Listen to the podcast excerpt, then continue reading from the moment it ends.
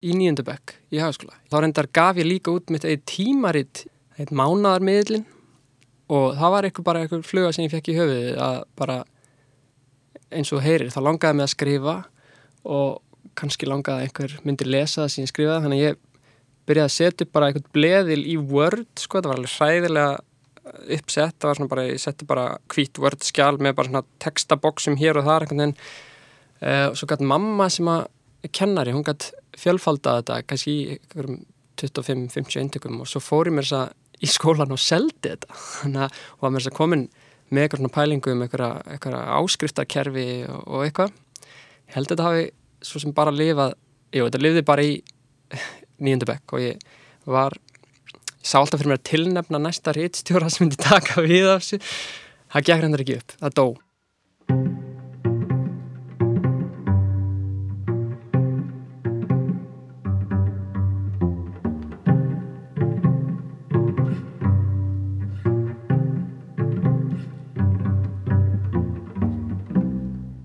Hæ, ég heiti Hildur og þetta er Skaparinn. Í þessum þætti fæði til mér gesti sem eiga sameigilegt að skapa hluti og vera frekar góður í því. Sumir kalla sér listamenn, aðrir ekki, en öll eiga þau það sameigilegt að vera með frúan huga og vinna við að framlega hugmyndir. En hvernig hugsaður þetta fólk? Hvað gerir það þegar það fær ekki lengur hugmyndir? Eða er alltaf nóga hugmyndum? Ég heiti Einar Löfdal Gunnlaugsson og er tekstasmiður og tónlistamæður Ég er uppalinn í Vesturbænum og fór síðan í mentaskólan í Reykjavík og lærði íslensku í háskólanum og vann nokkur ár sem bladamæður og meðal hans rítstjóri stúdentablaðsins. Ég hef gefið út plötu sjálfur sem heitir Tímar án ráða og kom út ára 2013 en núna er ég hluti af uh, tónlistar tvíegi sem við kallum Löf og Ljón sem gaf út plötu á dögunum sem heitir Nætur. En ég hef líka sami texta fyrir aðra tónlistamenn sem minnst alveg ofbóðslega skemmtilegt Það var meðal Jón Jónsson samtil textaði við lag sem heitir Gefðu allt sem þú átt og Julian Sevillian sem er alveg frábært tónlistamæður. Fyrir síðustu jól þá gaf ég út mína fyrstu bók sem var fótboltasaga eða æfisaga ungsmann sem að geta sagt eins og sem heitir Aron, sagan mín með landslýsfyrirlega Íslands í Kallaknatsbyndu, Aron Einar Gunnarsson. Ég er fadir til töluða nýbakar, var fadir fyrir á þessu ári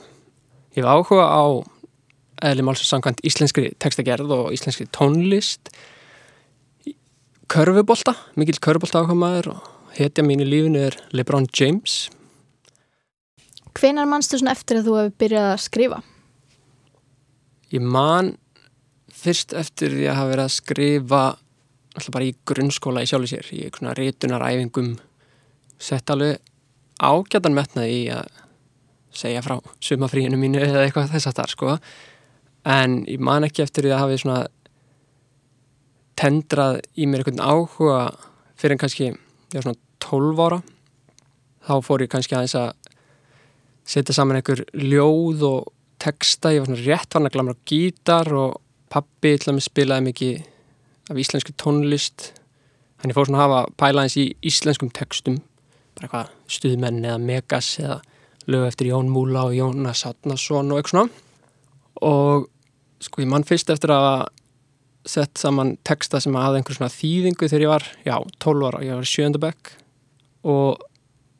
það séu staðalveg hörmulur atbyrður þegar uh, þær stelpur úr hverfinu létust í bílslisi og ég man að, ég þekkti það ekki en ég tók þetta mjög inn á mig og mamma mín gerði það líka og, og ég man bara einhvern veginn að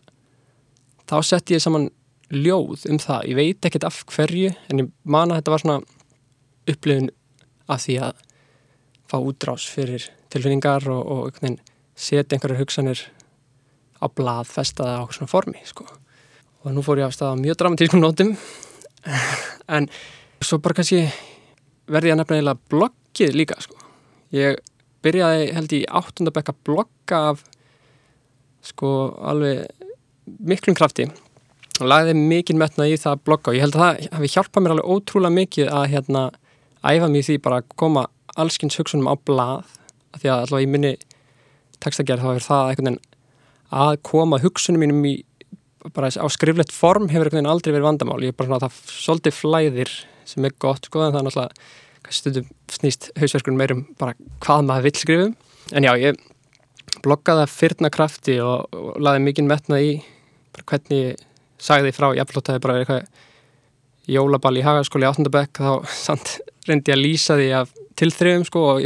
mér er þess að þannig kannski stælum stundum að bestu vinni mínu voru jafnveg hlartin að gera grína mér. Og misti mig alveg þeim metnað að ég var komin með sko, það var svona, það var ncg.blogspot.com og ég var með þess að komin í slíkt mikilmennsku brjálaði að hér, ég opnaði set, síðan hér svona elg, það eru stafinn mínir, ég er elgurinn sko. Og ég var með elg, svo var ég með elg tveir, það var svona umfjöldunum bíómyndir og, og leikrit eða eitthvað. Og elg sport. Það sem ég skrifaði um fókvöldaða og eitthvað. En já, svo kannski svona fyrir utan þetta, þessi ljóð sem ég samti eitthvað svona sem tólvarstrakkur þá kannski gerist þetta almenlega, já, með þessu bloggi og þegar ég fer að glamra bara í bílskusljómsveit og eitthvað. Á þeim nótum þá man ég líka um þetta leiti sem ég byrjaði að um, já, glamra í bílskusljómsveit þá, þá samt ég ennþá aðalega á ennsku og þá, sett, mamma og pappi skildu þegar ég var í nýjöndabekk og þá er mitt aftur gæti ég fundið eitthvað svona leið til að fá útrás fyrir einhverja tilfýringar sem ég kunni ekki einn svona nefna á þeim tíma. Og samt eitthvað texta sko sem var bara eitthvað Lægi hitt Young Boy og það er svona I was a boy who didn't know what to say. Every time I tried to I did it the wrong way og þarna já, var, var ég að lýsa því að ég átti mjög erfitt með að tala um sko skilað með pappa mjög lengi á þessum tíma þannig að ég svona fattaði kannski meira núna heldur en ég fattaði þá að, að þetta, þetta hjálpaði til sko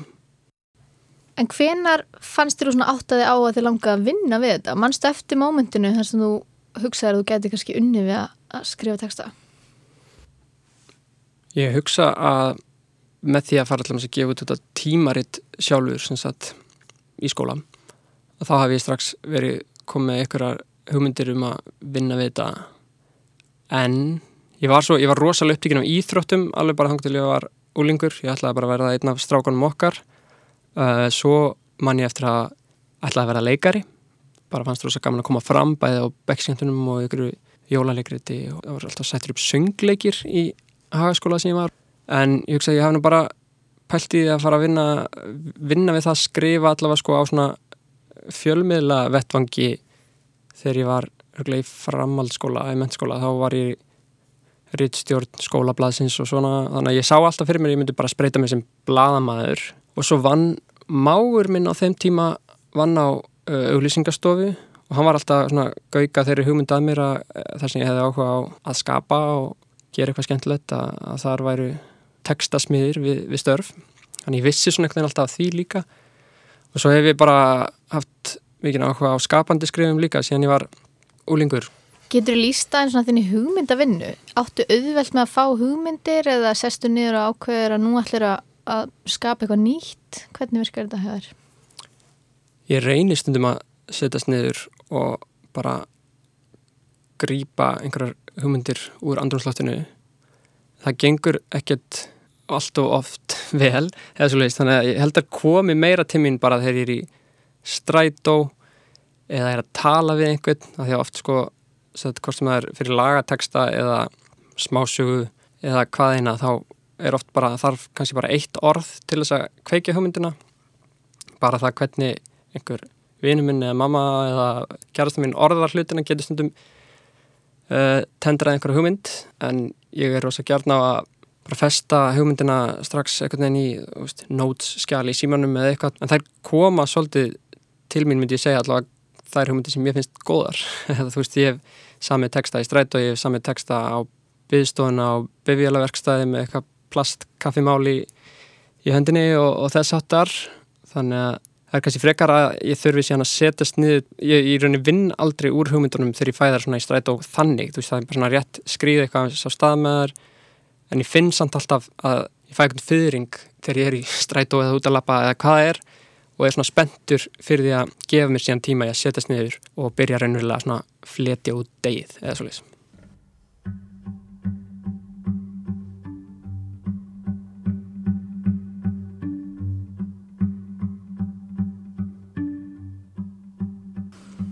En þegar þú sest síðan niður og, og ferð að vinna hugmyndunar, ertu með eitthvað sérstakann stað, ertu að vinna heimaðir eða ertu með aðstöðu þar sem þú vinnur?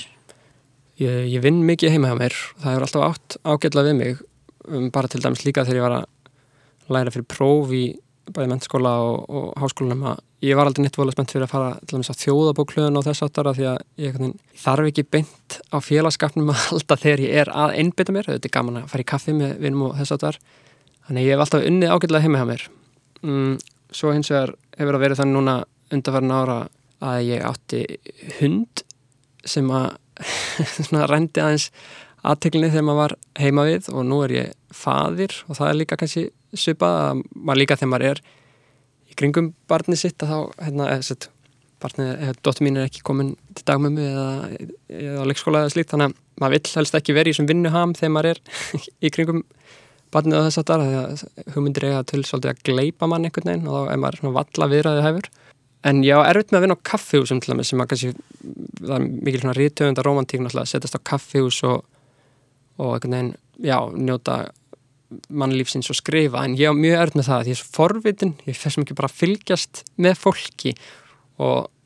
maður ákveðs ekki að segja frá þess en fyrir jafnvel bara svolítið að hlusta á samtala á næsta borði og mjög gert ná að kannski reyna að setja mig inn í ykkur mál sem að þau eru að tala um fólki á næsta borði og þess aftar sem að eflaust reyndar hjálpa manni líka í er ykkur skapandi skrifum, ykkur persónasköpun og þess aftar en ég myndi segja þannig að ég vinn mikið heima reynda núna eftir að hundurinn og, og dóttur mín komið til sjöna þá fer ég mikið bara heim til mömmu þegar hún er í vinnunni og þá er það bara svona mín skrifstofu aðstæða sem er mjög gott af því að ég tala mikið við sjálf á mig þegar ég er að bæði semja texta bara til þess að heyra hvernig hlutin eru sagðir uppátt og náttúrulega sérstaklega ef ég er að semja lagateksta þá vil ég geta raulað og sungið og það getur einmitt verið pínust eitt þegar maður fær hugmynda lagateksta í strætó eða eitthvað þá á ég til að næstum því, kannski ekki strætó en þegar ég er út að lappa er ég mjög gert að taka upp svona voice memos í símanum til þess að tala inn eitthvað eins og svona nánast raula eitthvað lagstúf og eitthvað. En það er kannski líka ástæðan fyrir að ég kann að mjöta að vinna heima það er að ég vil geta lappað um, ég vil geta talað sungið. En svo kemur alltaf að því að mér er farið að líða eins og ég sé í prófatörn, sjálfskeipaðar í prófatörn ef ég er bara búin að heima með úvið hár og í joggingbuksum og eitthvað þá þarf ég að komast aðeins út rúsi, fer á kaffehús svona í hófi Ertu með einhverja rútínu ert að skapa? Ertu svona 9-5 aður eða ertu að vinna nóttunni eða hvað hva virka fyrir þig? Ég hef reynd að temja mér uh, rútínu sérstaklega svona undanfarin tvö ár þegar ég, svona, ég set, vinn í hlutastarfi á auðlýsingarstofu sem textasmiður, auðlýsingarstofni Tvist en sérstaklega skaffaði mér tvo dagi viku til þess að sinna mínum svona ástriðu efnum eða slúðis og þá hef ég reynd að nýta þá daga bara mjög skipulega og vera að byrja að skrifa eða semja eða stúsast um nýluti eða slúðis ef ég var alveg heðalegur þá er ekki þannig að ég endist endilega alveg frá nýju til fimm en það er þetta kannski þannig vinna að maður er með hana svolítið, þegar maður er í stuði þá maður er með hana á heilanum. Frá því að maður fer að fætur þá getur maður leggst á kottan. Þannig að rútínan kannski hefur aukist bara núna undanfarnar heldur en til dæmis platan sem ég gaf út tímar hann ráðað á henni eru lög sem ég samtitt til dæmis á mentaskóla árum og þess aftar og þá eru þau kannski oft bara saman þegar ég var andvaka á nóttunni eða eitthvað. Ég gerir minna af því núna þegar ég er með líti barn svoandi í herbygginu og þess aftar en ég held ég, já, reyni að vinna innan ákveðins tímar til þess líka að geta eftir bestu getur stimpla mig út en ekki er alltaf að grípa í verkefninu þegar ég kannski á að vera sinni ykkur öðru. Finnst þið gott að vinna með öðrum eða ertu einfari þegar þú ert að vinna? Ég held ég sé að miklu leiti einfari. Um, kannski þess vegna sem ég mitt vinn mikið heima hjá mér og þess að það er þótt mér finnist gott að ég reyndar komið fram að finnst mjög gott að, að hitta annað fólk. Draumurinn er að vera ykkur vinnaðastuð þar sem ég næ ykkur neina loka mig af að einhver leiti en, en hitta síðan fólki í kaffipásum og þess að þar en mér finnst það mjög gott að starfa með öðru fólki en kannski þannig að ég þarf ekki að skapa með einhverjum öðrum akkurat á því augnabliki kannski er þetta einhver spjörhæðsla eða eitthvað en ég á svona erfitt með að opna mig í einhverju sköpunarferðli bara akkurat í núinu eða svo leiðis en mér finnst mjög gott að til dæmis í þessu tónlistatvíki sem ég eh, er í þessi dana, Löf og Ljón að þá vinnum við allt saman og það er mikið samstarf og gott samstarf og þetta er endar Egil Jónsson, eh, eitt bestu vinnum minn til 20 pluss ára. Og þá fáum við eitthvað hugmynd og svo svolítið fyrir við hvori sína áttina og, og svo skiptumst við áhugmyndum og kastum á milli og það finnst mér frábært. Ég hef vel reynd að semja allmest texta við lag þar sem að lagahöfundur nekka sér bara halvpartina og skeftir í að ég hérna, semja bara án fyrirvara ég skilur bara rauli fyrir mig laglínu og bara heyrðu hvað finnst þér, getur við kannski sagt þarna eitthvað, nú fer ég og syklu minn sjó eitthvað en ég á mjög erf með það, einhver hlutu vegna en ég vil einhvern veginn fá að hérna eins melda hlutina og að því leitin til vinn ég einn en samt í samstarfi við aðra Tölum aðeins um reytstýplu um, hvað gerir þegar þú ert stopp eða kemst ekki áfram með hugmyndir? Ertu búin að finna út hvað virkar? Ég vildi ég geti sagt bara já, ég er búin að finna út úr því. En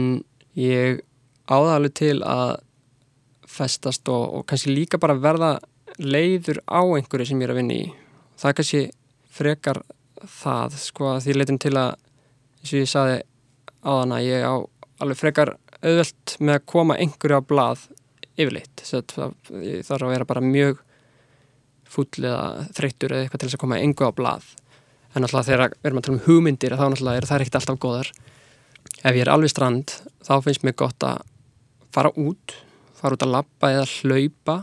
Og ég ljósi þess sem ég sagði að ég fæ oft hugmyndi bara út frá einu orði þá finnst mér líka gott bara að líku við opna orðabók eða ég notur hendar snöru að mjög miklu leiti snara.is og bara fýblast eitthvað þar. Tala um ekki sem maður að vinna við svona auglýsingaskrif og finna eitthvað orðalag. Þú veist þá líku við stundum að maður verði svona eins og Joey Friends þegar hann uppgötar hann að samhitta orðabókina. Þá fyrir maður bara, maður er kannski með eitthvað orð sem að mann finnst ljótt en hefur ykkur þýðingu sem maður þarf að koma framfæri og þá gerir hérna samheita orðbókin kraftaverk. En ef ég er svona bara strand þá reynir ég allavega aldrei að þvinga neitt fram heldur bara stenda eins upp á þessu bara jáfnvel tala um humunar við annað fólk. Það hjálpar líka fyrst mér Hefur ykkur tíma fengið á tilfinninguna að þú sést bara búin að skrifa allt þitt besta eða þú sést svona búin með sköpunar kvotan? Já, kannski vissuleiti. Kannski blundar alltaf í manni þetta svo kalla svikaheilkenni eða svolítið og að tilhættin til veldi maður oft fyrir sér bara hvert ekkist ég vera að reyna að skrifa ykkur texta og svolítið og sko í samhengi við það óttast maður stundum að maður sé búin með kvotan sinn sko en orð eru samt svo mikil svona töfratól og ég er að vinna með orð sem sagt. Að þá er ég alveg meðhuttar um að þetta er svo einhvern veginn bara, hvað maður segja það leynist hafsjór af hugmyndum bara í tungumálun okkar. Það er eitthvað neginn, þegar maður sér hvað orðabókin er þykk þá, þá svona að róa mann. Já, er enda kannski ég get nefnt líka bara með orð. Lunga árin ég byrja að skrifa hefur svo sem haft áhuga á orðum bara. Um, og ég verði eiginlega ekki þreyttur á pælingunni sko að baki hvert orð í tungumálun okkar er einhver saga. Bara hvernig orð verða til er ennþá eitthvað sem ég bara svona mér finnst stundum eins og vinnu mín er að fólki kringum mig sé ekki alveg með þetta um það því við ættum líka bara að vera pæli þessu öllum stundum sko bara að einhver tíman varð orðið ljósa pera til eða jafnvel bara stóll eða eitthvað. Mér finnst þetta bara svo magnað að líka einhver tíman var einhver fyrstur til þess að segja þessi orð. Þannig þess er kannski þessi kræmandi bara sköpuna kraftur einhver orka í hverju orði sko. ég held að það með ekki vannmynda það. Er eitthvað sérsta sem veitir þér innblástur? Búm, shakalaka sko. Mér held að fólkið í kringum mig veitir mér kannski mestan einblástur þá er ég að tala um bara fólk sem er mér kært og dóttur mín og kærasta og fjölskylda og líka bara náttúrulega önnur list. Gerist ósjaldan að ég kannski að er bara eiginlega alltaf ef ég er að lesa eitthvað eða hlusta á eitthvað þá grýp ég eitthvað korn úr því sem ég hugsa strax heyri, það var nú gaman að gera eitthvað í, í þessa áttina náttúrulega sjálfsögur tólkaða til eftir mínu höfði og breyta og svo verði ég að nefna bara í öllu sem ég hef gert þá hjálpar það mér alltaf rosalega mikið sko að vinna með fólki sem að mér finnst flinkar en ég í rauninni. Nú er ég ekki, ekki framhúsgarandi gítarleikari en allt sem ég hef lært á gítar hef ég gert bara með því svolítið að pínu þykjast og, og fari tónlistaverkefni með einhverju sem er ótrúlega flinkur og að náttúrulega pínu hýfir mann upp á næsta stig að bara það þykjast og hérna, þurfa veginn hafa sig allan fram við að heldast ekki úr lestinni. Og það hefur einhvern veginn reynst mér ótrúlega kvartning sko, kannski ekki innblástur en rosalega kvartning, bara að vinna með flinku fólki. Mælur þú með einhverjum bókum eða hlaðverpum eða þáttum sem eru góð fyrir fólk sem hefur áhuga á að skapa? Já, ég get sagt allavega þegar uh, skrif eru annars vegar, sérstaklega fólk sem eru áhuga á skapandi skrifum að þá er bókin On Writing eftir Stephen King sem að veitir mér mikinn innblástur og sagt, þetta er kannski, kannski ófrumleg hugmynd í eirum þeirra sem skrifa en, en hún er ótrúlega aðgengileg og Stephen King, ég verðindar viðkynni, ég hef ekki lesið neitt eftir að nema þessa bók en hann er náttúrulega bara einn afkastamesti höfundur uh, samtímans. Og það er einhvern veginn ótrúlega gaman að uh, lesa bók eftir hann sem fjallar sig bara um það að skrifa og hvernig, hvernig hann ber sig að þá því að maður speikla sig alltaf í þessu kannski eins og bara fólk sem hlustar á þennan þátt eða eitthvað, maður speikla sig í ferli annara og hérna finnur strax hvað gæti hendað manni sjálfum og hvað ekki. Og þráttur að vera þessi miklu höfundur þá nálgast hann þetta á svona létt kæruleysislegan hátt og setur sjálfans ekkert eitthvað háan hest og þess að þar þannig að hún er frábær. Svo þegar tónlistir annars vegar hef ég alveg ótrúlega gaman að ég að horfa á heimildamindir um tónlistamenn. Bara nú síðast heimildamind sem er bara á Netflix um Quincy Jones heitir Quincy. Það er eitthvað við það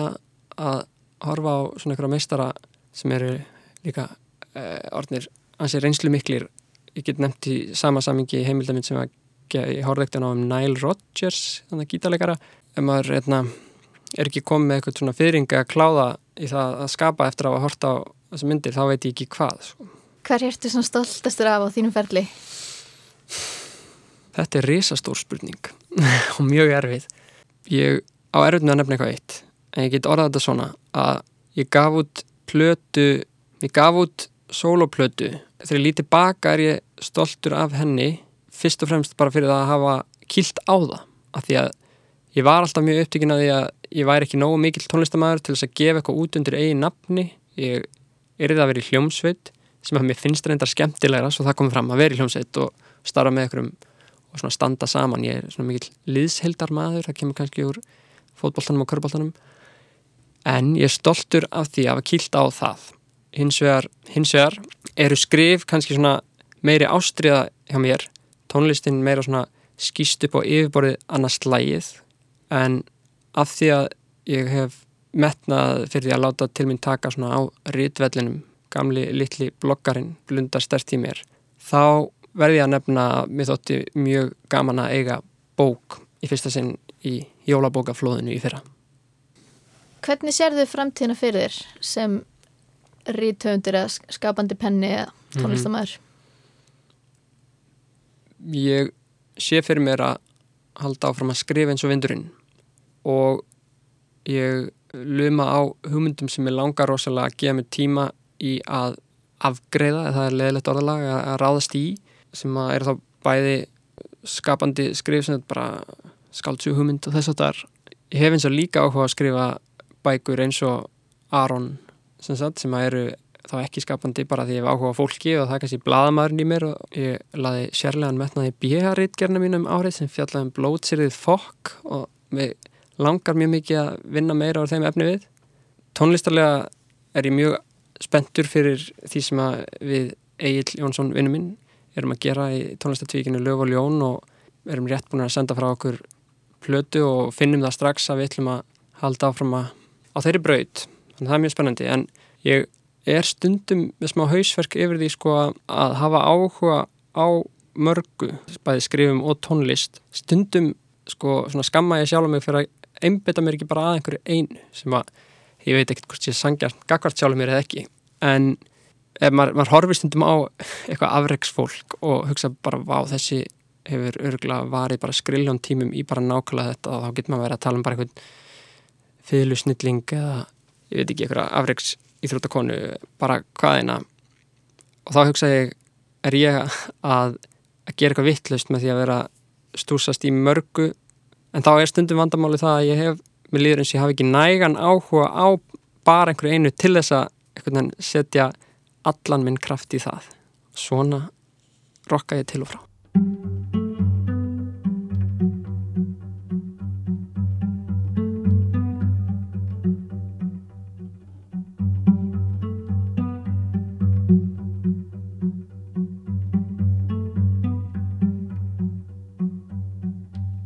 Hvað er besta ráð sem þú getur gefið skapandi fólki? besta ráði sem ég get gefið á svo sem bæði erindi til skapandi fólks og allra annar í raunni og þetta er eitthvað sem er alltaf verið að segja okkur að gera en það er eitthvað allavega mjög oft held ég sem hindrar það það er að tala um líðan sína upphátt og ég nefni það í þessu samhengi mjög mikilvægt bara upp á andlega helsu en ég nefni það líka í þessu samhengi að því að með því að tala mikið um tilfinningar sínar og, og það sem maður er að hugsa um hverju sinni þá léttir það ekki bara þungu fargi af manni heldur tálgar það líka hugsanetnum manns. Og þá þegar maður fyrir að vinna úr þeim þá er það einhvern veginn aðeins tilbúnara ráöfni þegar að því kemur sko, þú veist það bara í rauninni með því að hugsa upp hátt þá er einhvern veginn forvinnan unnin þegar að kemur að því að setjast niður og virkilega ráðast í verkið Ég þekka einari löfdal fyrir skemmtilegt spjall. Ég mæli með að þið kíkja á hljómsveituna þeirra, Löf og Ljón. Þeir voru að gefa nýja plötu um daginn. Svo er vissulegt að lesa bókina Aron sem kom út fyrir síðustu jól. Og svo mæli ég bara með að fylgjast með einari í framtíðinni. Ég heiti Hildur, þetta er Skaparinn, takk fyrir mig.